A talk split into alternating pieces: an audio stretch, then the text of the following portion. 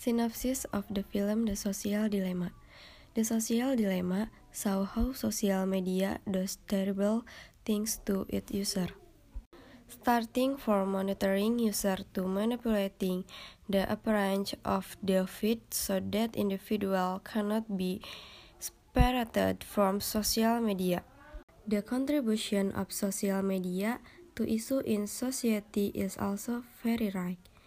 For example, the side effect of social media on mental health, the spread of fake news to political polarization.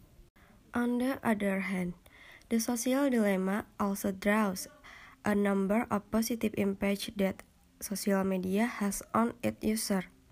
Thanks to the presence of social media, information is very easy to obtain and individual can connect with anyone.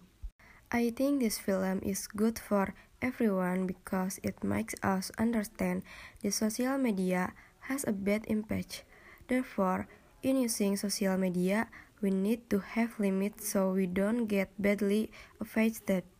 And the film The Social Dilemma, if it is linked to business purpose, in my opinion, it is dangerous because in this film it is more about how the negative influence of social media is likely to be dangerous.